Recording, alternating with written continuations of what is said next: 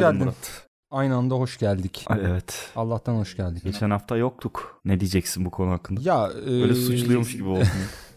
geçen hafta yoktuk. Çünkü e, biliyorsun bu podcast'i haftada bir yapıyoruz ve e, bazen onu bile denk getirmekte zorlanıyoruz. O zamana kadar iyi gelmiştik ama geçen hafta bir fire verdik. İş güç yoğunluğundan dolayı malum bir yandan da hayatta kalmamız lazım. Ondan dolayı bir hafta öyle bir fire verdik. Bu hafta ne yapacağız? Ne konuşacağız? Geçen programda müzik dinleme alışkanlıklarımız nasıl değiştiği konuşmuştuk. Cihazlardan bahsetmiştik, medyalardan bahsetmiştik. Bu bölümde müzik yapma alışkanlıklarımız nasıl değişti? Biraz da bunu konuşacağız. O zaman çok hızlı bir soruyla giriyorum. Hazır mısın? Hazırım. Tutundum şu an masaya tutundum. Güzel. İlk defa ne zaman e, çok kanallı bir kayıt yaptın kendi evinde? Ee, yanılmıyorsam 2007'de yaptım. Akustika MP3 Mixer diye bir program vardı. Maalesef vardı öyle program ben de kullanmıştım. İlk defa onunla bir şeyleri üst üste koyup aa bunlar böyle oluyormuşu idrak ettiğimi hatırlıyorum. Oğlum ben çocukken heriflerin hepsi aynı anda çalıyor zannediyordum. Bayağı hücum kayıt böyle ortada bir tane kondenser var öyle çalıyorlar zannediyordum. Ama çok normal. Hiç öyle bir layer düzeni kafamda yok yani. Çünkü hep konser izliyorsun. MTV Headbangers Ball'dan falan filan. E, Herhalde böyle oluyor. Aynısını stüdyoda da yapıyorlar ve albüm oluyor falan zannediyordum yani. İşin e, zaten şeyi ona dayanmıyor mu? Ancient kayıtlar. Öyle tabii canım. Yani o zamanlar sound dediğimiz şeyle bugün sound dediğimiz şey tabii birbirinden çok farklı. Yani mesela jazz bandlerin alayının mühendislik anlamda sound'u neredeyse birbirinin aynısıdır. Masa yok abi. Tabii birincisi ya masa var ama O öyle bir masa değil. O bayağı normal çalışma masası yani. ya hayır o kadar değil de. Ya kaçtan bahsediyorsun? Kaç yılından bahsediyorsun? ya işte 1920'lerden 30'lardan falan bahsediyorsan. ilk jazz bandlerin kayıt yapmaya e, başlayabildiği zamanlar. Hmm, Bu konuyla ilgili çok tarihsel bir bilgim yok. O zamanki kayıt sistemleriyle de ilgili çok fikrim yok. Benim bildiğim kadarıyla bayağı bildiğin ortaya bir tane kondansörü koyuyorlar. Kaydediyorlar yani. Ve tabii bu bir yandan çok zor bir şey. Yani müzik yapma alışkanlığı itibariyle. Çünkü herkesin kendini mixlemesi lazım. Bir de sana bayağı tape veriyorlar yani. Ve sınırsız sayıda yok onlardan. Evet pahalı bir şey. Gene filmde olduğu gibi. Tabii tabii yani girip en iyisini çalacaksın ve çıkacaksın. Mesela biz şimdi kayıt yapıyoruz ve sen sonra şey yapıyorsun ya symbol'lar birazcık yukarılarını almak lazım falan filan yapıyorsun ya bayağı yok öyle bir şey. Davulcu ona göre vuruyor falan filan Ya bir böyle. de şeyi düşünsene kayda giriyorsun çalmaya başlıyorsun kendini kaptırmışken Tom Meister zillere biraz daha az vur falan gibi şeyler söylüyor. Abi tabii ya brieflemek de çok zor yani sen o sırada o groove'un içindesin yani. Gerçi o tarihlerde o kadar da müdahale ediliyor muydu ona bilmiyorum ama bu bir sektör şeyidir ya. Ama işte müdahale etmek istese de edemiyor ki. Öyle bir imkan yok. Daha sonradan bu masa mevzusu falan filan geliyor. Çok mikrofonlu kayıtlar falan. Hatta EQ dediğimiz hadise de bildiğim kadarıyla yanlış biliyor olabilirim bunu. Hemen devreye girmiyor öyle yani. Tabii. Normal kayıt alıyor sadece yani. Ve bazı cihazlar var müzik kaydetmek için yapılmış. Her cihazın kendine göre belli şeyleri var. İşte bir tanesi bir silindirin üstüne kaydediyor. Daha bu yani taş plak dönemleri falan. Bu müzik yapma alışkanlığı olarak tabii o dönemin müzisyenlerini çok ciddi şekilde biliyor. Herifler hayvan gibi çalıyorlar. Yani çünkü ekmek parası. Yani bugünkü gibi böyle bir yandan hobi olarak da müzik yapıyorum falan gibi bir durumda yok. Profesyonel müzisyenler yani. Netflix'te Quincy Jones'un belgeseli var. Meraklısına söyleyeyim inanılmaz bir belgesel.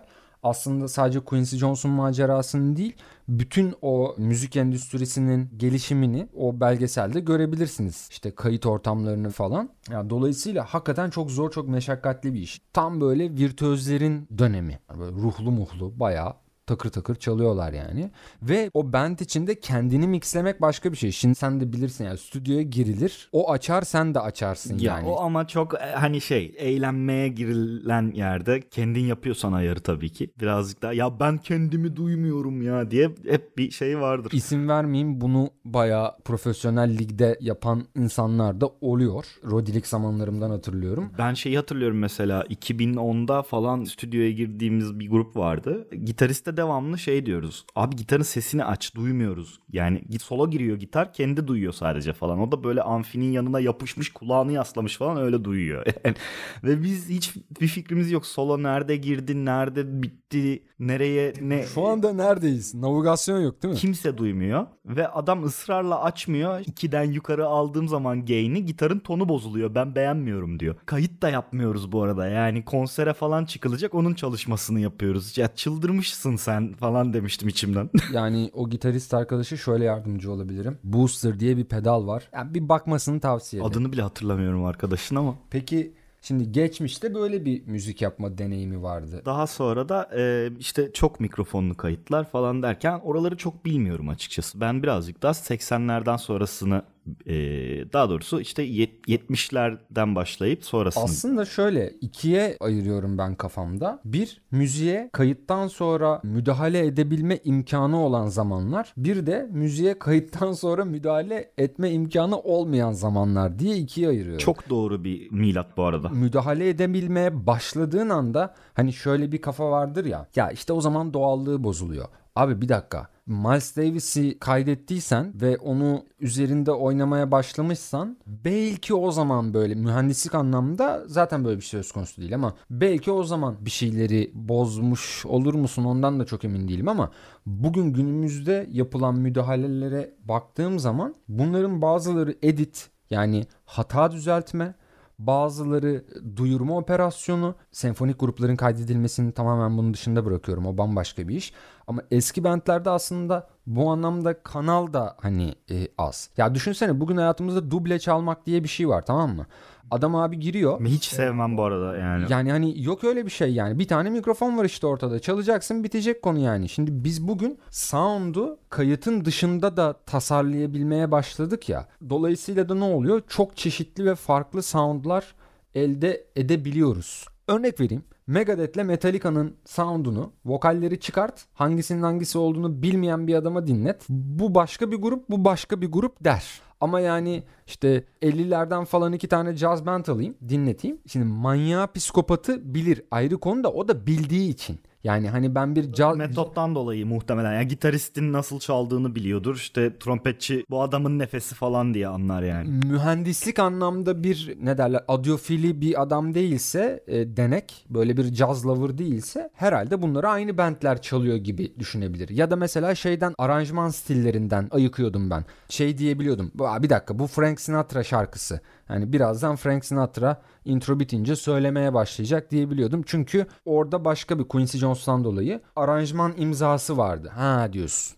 Ama mesela o daha popüler. O zamanın daha mainstream bir adamı. Klasik jazz, işte bebop yapan çok böyle e, popüler isimlerden seçmediğimiz iki tane bendi dinletsem bunların soundlarını ayırt etmesi gerçekten çok zor yani. Şimdi biz hangi aralığı konuştuk tam olarak dönem bazında? Aslında işte 50'ler. 50'ler, 60'lar. Ya gerçi şimdi yanlış bilgi de vermeyelim. Ben e, masanın ne zaman endüstrinin içine girdiğini tam hatırlayamıyorum. Çünkü salak olduğum için bununla ilgili bir workshop da almıştım ben hatta. Ama biz şimdi aslında esas senin dediğin gibi 80'lerden sonra iş zaten değişmeye başlıyor. Çünkü e, bir kayıt bittikten sonra üzerine o kayıt ortamında o gün bulunmayan birinin de gelip çalması söz konusu olabiliyor ya. 70'lerin ortalarında falan uyanıyorlar o işe. Ee, analog masalarda da çünkü aynısı yapılabiliyor. Mesela Bohemian Rhapsody'yi izlediysen orada Queen'in ilk albümlerini kaydederken yaptıkları saçmalamalar işte amfiyi tavana bağlayıp flanger'ı icat etmeleri falan gibi sa- saçma sapan şeyleri onlar denemeye başlıyorlar ilk defa. Daha doğrusu bu şey ticari bir işte bunu böyle denemeye başlayanlar diyeyim. Daha sonra bu efektlerin elektronik olarak nasıl yapılabileceğini düşünen bazı insanlar masalara bunları eklemeye başlıyorlar. Aslında kanal kayıt tabir ettiğimiz şey iki ayrı bandı üst üste oynatarak da yapılabiliyor bugünkü kanal mantığı gibi alt alta alt alta 5 tane 10 tane 20 tane kanal dizmek gibi değil de kaydı alıyorlar. Sonra başka bir kayıt daha alıyorlar. İki makara üst üste geliyor. Bunlar aynı anda çalınınca ya bunun tabii işte senkronizasyonu bilmem nesi. 80'lere geldiğimizde bu iş nasıl değişiyor? Yani aslında bizim şu an müzik yaptığımız sistemlerin başlangıç noktası oralar. Sound City diye bir belgesel var. Müthiş bir belgesel. Değil mi? Çok iyi bir belgesel. Sound City. Müzikle ilgili şu ana kadar izlediğim bir e, film müziği serüvenlerini anlatan Score diye bir belgesel var. Bir de Sound City izlediğim yani müzik konusunda izlediğim en iyi iki belgesel bu ama Sound City benim bir numaram yani. İnanılmaz bir belgesel gerçekten. Sound City diye geçiyor. Belgeselin adı da o. Başlangıç noktası da oraya giderek başlıyorlar. Yolda başlıyor falan. Fakat aslında başrol o kayıtları yaptıkları masanın hikayesiymiş gibi. Evet. Neve konsoluydu değil mi? Evet evet. Bütün numara o masadaydı. Ama o masa neler geçiriyor? Yani üstüne alkoller mi dökülmüyor? Parçaları gidiyor, bir şey oluyor Tabii. falanlar. Nirvana'sı oradan geçiyor. Tabii bir sürü serseriliğin arasında kalmış bir masa yani. Tabii tabii. Masada böyle uyuşturucular var. Onların arasına kaçmış. Allah bilir neler olmuştur o masanın üstünde daha şimdi. Ya şey diye anlatıyorlar ya zaten kim anlatıyordu hatırlamıyorum ama içeri girdiğimiz zaman sidik kokardı halı falan diye anlatmaya başlıyorlar zaten. Evet evet. Abi pislik bir yer. Ama içeride bir ruh var. Yani millet oraya girince hani Slayer'ından Metallica'sına işte Michael Jackson'ından atıyorum işte bin, yani Nirvana'sı Yani, yani, hani belgeselin iddiası zaten o ki bugüne kadar hit olmuş ve kapı baca kırmış bütün albümler orada kaydedildi. Yani Nirvana'nın Nevermind'ı Nevermind işte abi. Daha e, neyi kaydedeceksin Meta- ya? Ha zaten. Ve buna sebep olan birleşimin iki şey olduğuna dikkat çekiyorlar. Birincisi Neve konsolu, ikincisi de amfi fabrikasından evirme bir davul stüdyosu. Yani hangar gibi bir şeyi davul stüdyosu yapmışlar. Evet bak oradan gelen davul soundları özellikle e, bir farklı. Bende şeyin e, Nevermind'ın Smells Like Teen Spirit'in e, kanal kayıtları var abi. Oğlum o davul kanallarını sana bir dinleteyim. Ya böyle bir şey olamaz lan. Zaten orada Dave Grohl da bir ara davulun başına geçiyor ve canlı o şeyi çalıyor, Çalıyor. ya. Ya bildiğin kayıtta duyduğun sesin aynısını 30 yıl sonra adam davulu kurmuş ve o hangarda almış o sesi. Abi orada çalınca öyle oluyor. Bir de tabii Dave Grohl lazım. Gerçekten orada çalınca oluyor gibi bir durum çıkıyor ortaya. Demek yani odanın hakikaten böyle tövbe estağfurullah bir altında yatırımı var ne var? Ya onun şöyle bir e, sebebi aslında şu. Davulu tonlarken, davul kaydederken davulun setup'ından daha önemli olan şey ortam fiziksel özellikleri ya. Davuldan davul sesini almamızı sağlayan şey yankı esasında. Yükseklik, genişlik vesaire. Oradaki dönen Evet. e, circular sound ya sesler. Aynen. O sesin nasıl geri dönüp mikrofona geldiği. girdiği. Aynen. Dolayısıyla o yüzden eşsiz bir yer olarak tanımlanıyor. Yani o kadar fit bir yapısı varmış ki alanın. Daha doğrusu böyle bir şey olduğunu onlar da bilmiyor. Tabii bilerek yapılmış bir şey değil. Tabii tabii öyle denk gelmiş. Ulan bunlar da yani yani bu arada Sound yani çok eski bir stüdyo. Caz bandlar falan da kaydeden bir Tabii. 80'lerde açılmış bir stüdyo değil orası. Yeni jenerasyon biraz fırlama herhalde.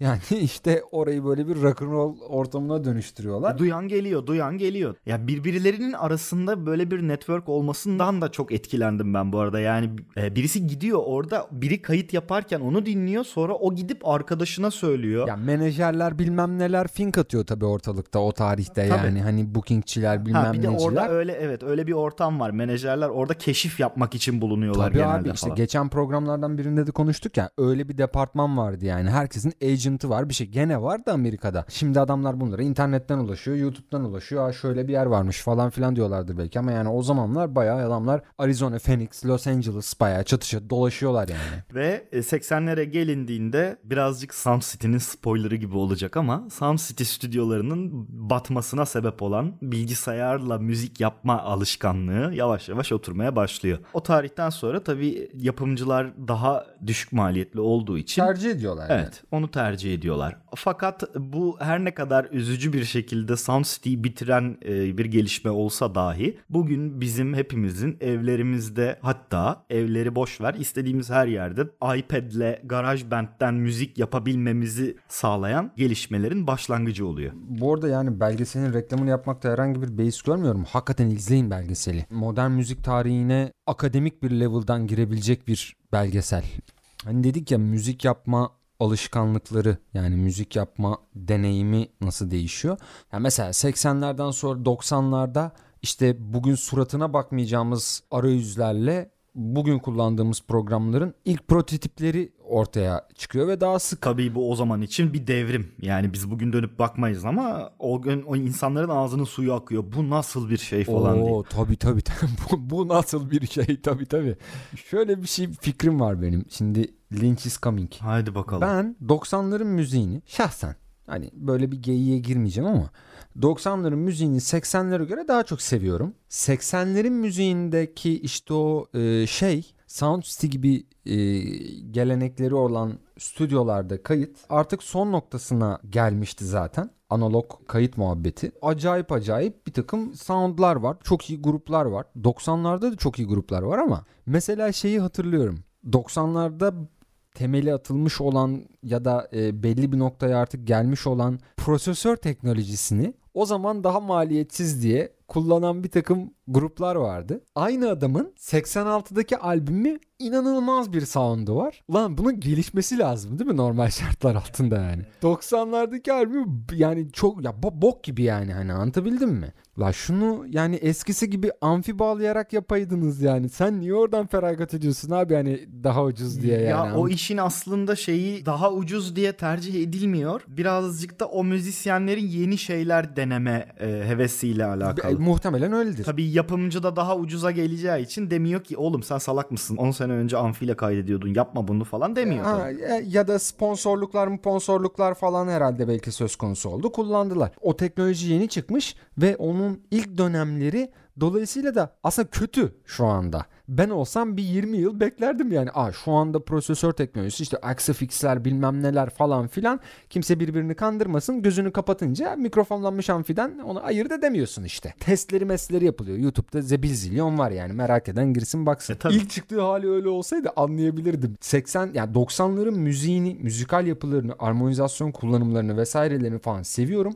Ama mesela sound konusunda 80'ler bana daha fit geliyor yani. Ha şu anda hiçbir şey fark etmiyor. Gir abi ses kartına dry kaydet. Onun sebebi birazcık şey olduğunu düşünüyorum. Delay ve reverb efektlerinin yapay olarak e, daha kolay kullanılabilir olmasına bağlıyorum ben. Dikkat edersen 90'lardaki her şey reverb'lü böyle büyük büyük odalar, taş odalardan geliyor falan gibi sesler. Her şey yüzüyor ya. Hamam hamam. Ha. Biz ona hamam sound diyoruz yani. Tabii biz bunu keşfettik basmayalım mı köküne kadar dendiği için. Belki de öyle. Şimdi müzik yapma deneyimini etkileyen en önemli şeyi konuştuk belki de teknolojik gelişmeleri ama müzik yapma deneyimini etkileyen bence başka faktörler de var. Şey manasında ayrı bir programda konuşuruz. İşte sanatçının içinde bulunduğu ruh hali, durum, o toplumun o günkü falan fa- zart tut yani. Şimdi onlar ayrı. Bir de müzik yapma deneyimim şahsen tükettiğin müziklerle de çok paralellik gösteriyor. Çok fazla. Mesela ben orkestrasyon dersleri almaya başladıktan sonra yani normalde yaptığım tarzlara da artık daha farklı yaklaşmaya başladım ve dolayısıyla müzik yapma, müzik üretme deneyimim daha farklı bir noktaya gitti.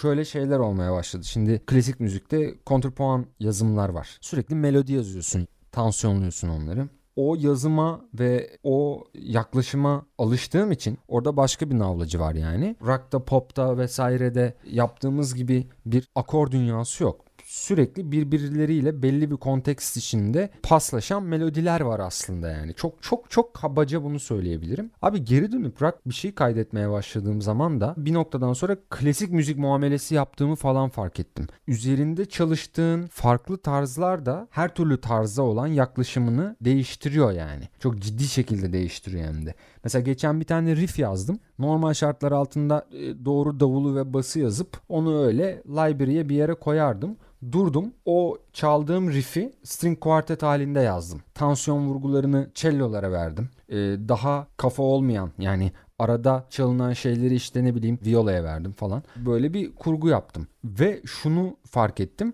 Demek ki bizim bir cümle dediğimiz şeyden 3 kanallı bir string quartet çıkabiliyor. Sonra o çıkan string quartet'in işte strings kanallarından bir tanesi solo dinlediğin zaman aslında tamamen bambaşka bir melodi elde etmişti oluyorsun bir yandan. Bu arada klasik müzik çalışmak lazım. Ben hani ona ikna oldum. Kesinlikle. Hakikaten işe bakış açını çok değiştiriyor. Yani bu saatte klasik müzik konseri vereceğimden değil de şef olarak. Hakikaten yaptığın tarzları çok değiştiriyor yani. Ee, Mesela bu benim deneyimimi çok ciddi etkiledi. Beni de aynı şekilde caz dinlemeye başladıktan sonra çok fazla etkilenmeye başladım. E, e, biz de tabii bu işe ilk başladığımızda cazur cuzur bir şeyler kaydetmeye çalışıyorken birden... Evet senin de cazla olan maceranı ilgiyle takip ediyorum. ben cazla çok çocukluğumda haşır neşir oldum. Klasik müzikle çok geç barıştım. Ama e, senin yazımlarında e, çok beğendiğim caz fikirleri olmaya başladı. Hayırdır ya böyle bir durum var sende yani. Onu biraz anlat bize. Tabii yani bunu anlayarak dinlemeye başladıktan sonra o daha makul gelmeye başladı benim yapmak istediğim müzik e, açısından. Kaydederken, söylerken, çalarken daha çok eğlendiğin şeyi yapmak istiyorsun ya. O beni daha çok eğlendirmeye başladı. Yani enstrümanların e, ritmik bir şekilde gitmesindense onların birbirleriyle dans ediyor olması beni eğlendirmeye başladı. Ya tabii cazın dinamiği çok başkadır. Yani e, dışarıdan bakıldığında daha e, düzensizmiş gibi görünen halbuki daha kompleks bir düzene sahip doğaçlamaymış gibi görülen ama aslında planlı. Tabii. Ama o o kadar artık üst düzey bir plan ki dağınıkmış gibi e, duyuluyor yani. Telepati gibi o birazcık yani. Hani kimin nerede ne yapacağını anlayıp ona göre bir şey yapmak. Ama aynı zamanda onunla da çakışmaması falan gibi bazı şeyler. Yani ben bu arada hani bunu anlamaya başladık şöyle oldu böyle oldu şimdi bunu yapıyoruz falan gibi konuşuyorum ama o bir evren. Ya ben o evrende bir kum tanesi kadarım. Ya bir de bak kendi deneyimimde yani müzik yapma deneyimimde muhtemelen senin de başına aynı şey geliyor. E, zaten hali hazırda çalabildiğin enstrümanlarla işe başlayınca vardığın nokta daha önce vardıklarından çok nadir farklı noktalara geliyor. Genellikle aynı noktaya geliyorsun. Ama mesela cello çalamıyorum ya teknik olarak yani. Bir cellom yok ve hiç cello çalışmadım. Oturup cello yazmaya başladığım zaman MIDI klavyede bak o hakikaten başka bir yere doğru gidiyor. Müziği kurgularken, kompozisyonu, aranjmanı düşünürken şunu fark ettim. İşte en son Thanks for All Fish'te de aynı şey oldu. Aslında bizim kaydettiğimiz o Dark Matter parçası e, benim yaylı yazarak başladığım bir parça. Hani ben o öyle bir parçaya dönüşür diye bestelemedim. Sonunda ne oldu biliyor musun? Parça bitti. Gitara ne kadar yer kaldıysa o kadar gitar çaldım. Sonra yaylıları çıkartıp üstüne drum and bass yazdım. Bizim parça ortaya çıktı. Ha, onların yerine bir daha bir şey koymadın. Yok koymadım. ya bana daha az gitar çaldırmayı öğretmiş oldu, terbiye etmiş oldu ve şunu fark ettim. Hakikaten ya yani az çalmak lazım aslında. Bak ne güzel oldu falan gibi bir duyguya girdik. Ama ben parçaya direkt gitar düşünerek başlasaydım geleceği nokta e, beni şaşırtmayacaktı. Ama hayatımda ilk defa öyle bir parça kaydettim ben yani. Mesela sen davul çalabiliyorsun ya. Davul çalarak başlama mesela atıyorum. Ne çalamıyorsan onu yazmaya çalışarak başlayınca bir öğrenmek zorunda kalıyorsun. O enstrümanın dinamiklerini kendini geliştirmiş oluyorsun. Çünkü sen oturup trompet çalışacak vaktin yok anladın mı? Hiçbir zaman trompet çalamayacağım muhtemelen yani. Şimdi büyük konuşmayayım yani çalarsın belki ama. Birazcık ses çıkartabiliyorum diyelim. Ya şöyle söyleyeyim yani fagota vaktin var mı hocam mesela yani? Hani anladın ya mı? vaktimden ziyade onu çalışabilmek için bir ortam lazım biliyorsun. Çünkü apartman dairesinde boruyu üflediğin zaman ne oluyor diye iniyorlar aşağı. gibi gibi bir sürü de sebep var. Ha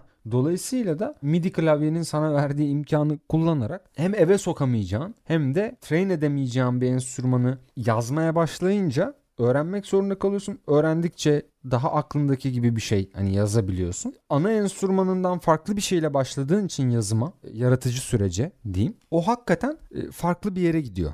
Ya daha önce yaptığın şeylere benzemiyor yani. Bir de böyle bir tecrübem var. Konfor alanından çıkmayla alakalı. Evet evet. Ya bir de şey de oluyor. O enstrümanı bilmiyorsun ya. Onunla nasıl hareketler yapılabiliyor onu da tam bilmiyorsun. Onu öğrenmeye başlıyorsun. Onu biliyorsun. Saçma sapan şeyler yaparken garip garip sesler çıkıyor. Bazen o çıkart, çıkan sesler hoşuna gidiyor. Ben bir kere abi öyle cello yazdım. İşte strings quartetleri yazdım. Dolayısıyla cello'yu da hani yazdım vesaire. Şimdi brass koyacağım tamam mı? Abi French horn diye Allah'ın belası bir enstrüman var tamam mı? ya evet ya başımın Oğlum, belası. Yazdım. Götürdüm böyle gösteriyorum. Adamlar diyor ki sen hiç French horn gördün mü? Dedim yani oha tabii gördüm de. Bak bu yazdığın şeyi çalabilmesi için herifin yani 6 tane ciğeri olması lazım yani. Sen midi klavyeyi alınca coşmuşsun. Bunun böyle bir oktav aralığı var. Öküz o oraya yazılmaz diye çok temiz bir fırça yemiştim yani hani. Çünkü o böyle çok seri e, melodik yapıların çalınabildiği bir enstrüman değil. Daha böyle e, dekoratif bir e, pattern bir e, enstrüman yani. Ben genelde e, şeylere dikkat ederim. Yani bu enstrümanla bu gerçekten yapılabilir mi kısmına çok dikkat ederim. Mesela Lucid'in davul kayıtlarında şeylerinde falan da onları düzenlerken davulu yazıyoruz. Sonra şeyi düşünüyorum. Ben bunu sahnede çalabilir miyim lan? Saçmalamayalım mı? Düşünüyoruz yani. Nota yazmak çok önemli işte biliyor musun? O zaman işte böyle çuvallara düşmezsin. Yakında bizim Discord grubunda da paylaşacağım. Dokümantasyonunu yeni bitirdim. Hani bu enstrümanların hangi aralıklarda yazıldığı ile ilgili bir e, dokümanlar buldum. Evet o çok önemli bir şey. Temel aranjman bilgisine bir hakim olmak lazım. Sadece aranje için değil mix için de önemli yani. Çok fazla kendimizden bahsetmişiz gibi oldu bu arada. Yani bir önceki bölümde müzik dinlerken bu alışkanlıkların değişmesine sektörde neler sebep olduğu konuşmuştuk. E, müzik yapma deneyimi derken e, işte dediğin gibi kendimizi konuştuk ama biraz piyasadan da bahsedecek olursak ben işin birazcık daha şeye gittiğini düşünüyorum. Gittiğini değil gitmiş zaten çok uzun zaman önce de. Bir prodüktör her şeyi tasarlıyor. Yani one man show'a döndü. Bir yere kapanıp da eski moda bir müzik üretme tarzı artık çok kalmadı gibi geliyor bana yani. Mesela Metallica hakikaten bir odaya giriyor. Hetfield bir şeyler çalıyor, Lars bir şeyler çalıyor falan filan böyle. Ve yalnız dikkat et o belgesellerde o odada en son Kirk Hammett ve basçı geliyor hep. Bak süreci hep o ikisi başlıyor yani. Ya da bize belgeselde öyle bir kat gösteriliyor. Ama öyle olmasa zaten onun kurgusunu niye öyle yapasın yani? Adamlar sonradan geliyorlar gruba neticede. E tabi yani e, ama yani genellikle mesela onların üretimlerinde öyle bir şey çok sık gözlemliyorum. Mesela daha iyi bildiğim grup Megadeth, Dave Mustaine her şeyi tek başına yapıyor. Konu kapanıyor. Müzisyenleri çağırıyor, kontratı imzalatıp çaldırıyor. Sonra da turneye başlıyor mesela. Onun sistemi fabrikatif. Birazcık daha buraya doğru gitti endüstride. Yani One Man Show'a gitti. Sanırım Euthanasia albümü. Onun da stüdyo e, görüntüleri var işte. Çünkü orada biraz Arizona Phoenix falan dolaşılmış edilmiş falan. Başka stüdyolarda da bir şeyler yapılmış. O albümde çok riskli bir şey yapıyorlar. Akıllarında hiçbir şey yok. Stüdyoya giriyorlar ve beste yapmaya başlıyorlar. Bu Sting modeli. Abi hayatta cesaret edemem ben böyle bir şeye ya. Sting neredeyse bütün parçalarını öyle yapıyormuş diye duydum. Topluyor adamları yani kafada hiçbir şey yokken hadi bir şeyler çal diyor. O da onun üstüne bir sözler yazıyor. Bir şeyler saçmalıyor falan. Stüdyo Sting'inse sorun yok ama saatine para ödüyorsan ve bunu bir yatırımcı karşılıyorsa adamın girdiği riske bak. Ama şöyle tabii o zamanki Megadeth kadrosu da Dave Elvis'ın... Ya bir de şöyle bir şey var. Yapımcının güvendiği Megadeth sıçsa da dinlenir. Valla tabii Megadeth'in Golden Age'i diyebilirim ama kadroya baksana abi. Dave Elvis'in basta, Dave Mustaine var. Nick Menza davulda, lead gitar Marty Friedman. Yani o kadar iyi bir gruba zaten gerek yoktu bence. Bu herifler girince tabii o albüm çıkıyor şimdi. Bu çok zor bir ortalama yani. Mesela öyle de bir müzik yapma deneyimi var. Hakikaten blind. Ama tabii bence bunlar Sting gibi kendi janrasında işte Megadeth gibi kendi janrasında hakikaten biraz böyle high-end müzisyenlerin e, götünü yiyebileceği bir şeymiş gibi düşünüyorum. Ama işte Metallica dediğim gibi Lars Ulrich ve James Hetfield giriyor takılıyor. Sonra üstüne bir şeyler geliyor falan gibi. Ve her şeyi içeride kaydeden biri var. Sonra onlar dinleniyor, değerlendiriliyor. Ya şu riff'i şöyle mi olsa böyle mi olsa falan filan. Onların birazcık daha mesela şey tüme varım tümden gelim gibi değil de daha böyle customize bir yöntemleri var yani. Parçaların yapılarıyla çok oynayarak, deneyerek geliştirdiklerini e, görüyorum yani özellikle belgesellerde. O zaten Master of Puppets'ın demolarından falan da anlaşılıyor biraz. Ben mesela uzun zamandır grupla müzik yapmıyorum. Grupla müzik yapma deneyimi mesela bana iyi gelmemişti. Grupla müzik çalmak çok keyifli ama hadi bir şeyler doğaçlamaya başlayalım meselesi benim iki önceki grubumda Onurlarla yaptığım projede çok keyifliydi. Ama o tayfa uzun zamandır beraber çalan bir tayfaydı. Güzel şeyler çıkıyordu. Başka gruplarda mesela o elektriği yakalayamadım. Ben yakalayamadım herhalde. Ama bir yandan da şey ikna olmuştum ben. Ya zaten böyle olmaz. Herkesin farklı bir müzik beğenisi var. Ortada imzalanmış bir kontrat yok. Ve dolayısıyla Herkes kafasına göre bir şey çalıyor. O deneyimden hoşlanmamıştım mesela. One Man Show'u tercih ederim bunun yanında yani. Ben ikisini de seviyorum ayrı ayrı ya. Bir tarafta tamamen kendi kafanda oluşturduğum bir şeyin her şeyini yönetme kısmı bana çok cazip geliyor. Bir tarafta da ya müzik kolektif bir şey abi. Sen her şeyi yapmış olsan da sonuç olarak bunu canlı çalmak istediğin zaman o insanlara ihtiyaç duyacaksın. Ve o tarafta hep beraber yaratılan şeyin hissiyatı da farklı yani. O birazcık bence olgunluk isteyen bir mesele abi. Basçı davulcuyu durdurup abi orada acaba şöyle mi yapsan? Ya abi öf yani hani anladın mı? Şimdi bu üçüncüye beşinciye olunca... O ikisi karışınca işte one man müzik yapma kafasıyla o ikisini karıştırmamak lazım. Evet dedim ya bir olgunluk gerekiyor diye. Nerede olduğunun iyi farkına varman lazım. Bir noktayı dört farklı vektör kendi yönünden çekerse nokta hareket etmiyor zaten yani işte o zaman. Ve o çok sıkıcı, anlamsız bir şeye dönüşüyor. Bazen çok iyi müzisyenler bir araya gelip hiçbir şey yapamayabiliyor. Bazen e, dört tane liseli çocuk bir araya gelip çok acayip şeyler yapabiliyor. Arkadaşlık meselesi burada çok önemli. Beraber çaldığın insanlarla kafa uyumunuzun çok önemli bir etkisi var. Ben kafa uyumundan ziyade çalmaya başladığın zaman yani dans etmeye başladığınız zaman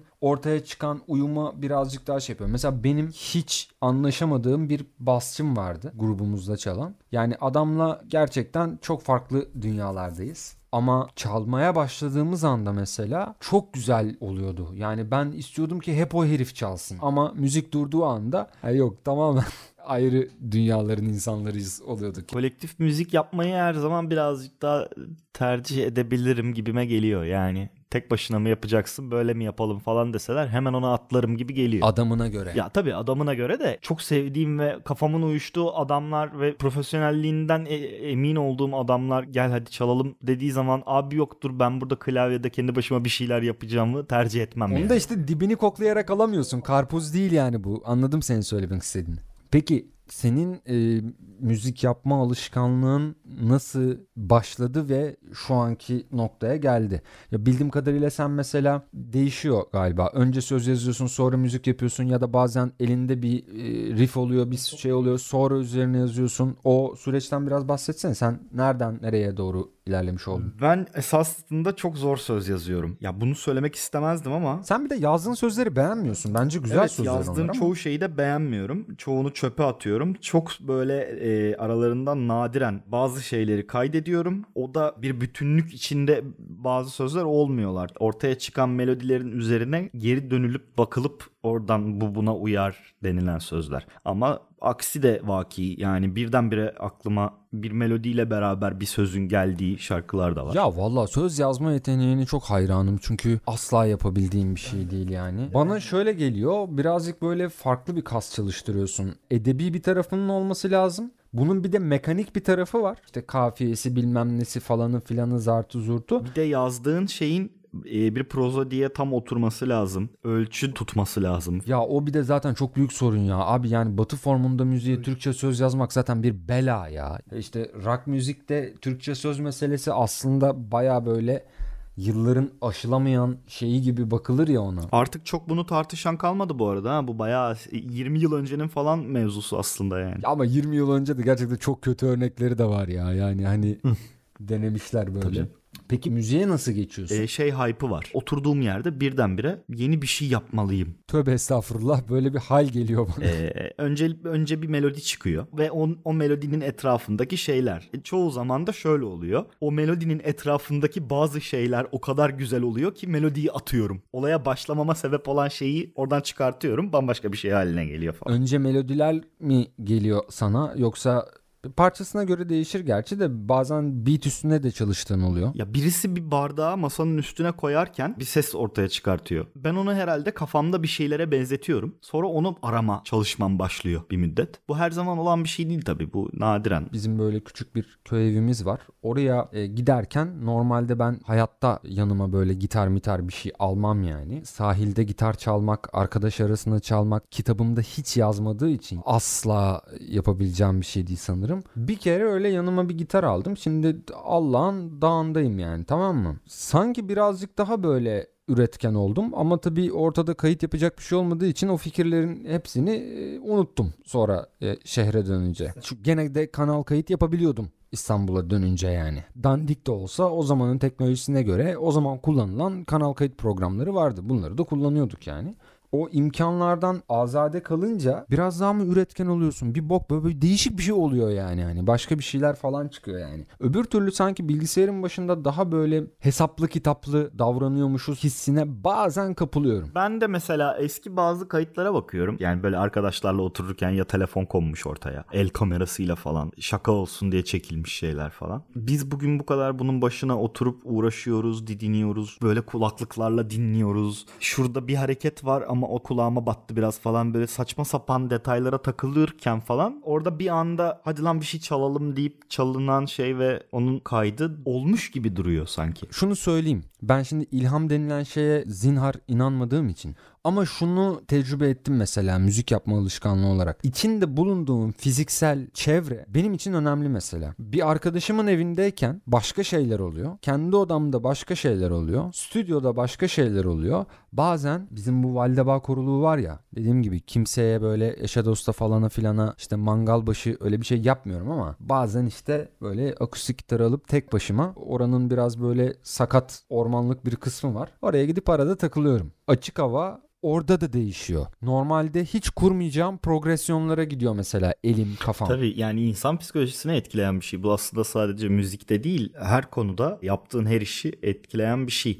Birincisi çevre faktörü, ikincisi e, yanında olduğun insanlar da etkiliyor bunu. Ya aslında müzik yapma deneyimi konuştukça başka başka yerlere de gidebilir bir konu. Zamanı geldiğinde buna tekrar değinebiliriz. Ama şimdilik bugünlük bağlayalım. Bir hafta ara verdiğimiz için e, milyonlarca dinleyicimizden özür diliyoruz. Halk bizi merak etti resmen. Yani telefonlar susmadı diyebilirim sana. Ya biliyorum Yani evet öyle bir biraz merak etmişler. insanlar arayıp bu hafta ne oldu? Birinize bir şey mi oldu yoksa falan E, Ya beni Trump aradı. ne diyor? Bir daha böyle yapma olur mu dedi. Ben senden kaynaklandığını biliyorum ama şimdi tweet mivit atıp ortalığı karıştırmak istemiyorum. Bak ben Putin'le de konuştum diyor. Yurdun çeşitli yerlerinde eylem falan olmuş yani bildiğin gibi değil. Ortalık yanmış oğlum ya. Beni aramadı ama ben Kim Jong'la konuştum mesela. Hani o ne diyor mesela? O da bizi anlayışla karşılıyor. Mesela olabilir böyle şeyler. Bak benim de başıma neler geldi. Öldü dediler falan dedi Doğru, yani. doğru, ben doğru. de abi haklısın dedim. Doğru. Zor işler. Ee, o yüzden çok özür diliyoruz. Bir daha olmaması için elimizden geleni yapacağız. Umarım bir daha öyle bir şey yaşamayız. Ama bugünlük de bu kadar. Dinlediğiniz için teşekkür ediyoruz. Bye bye. Dikkat edin.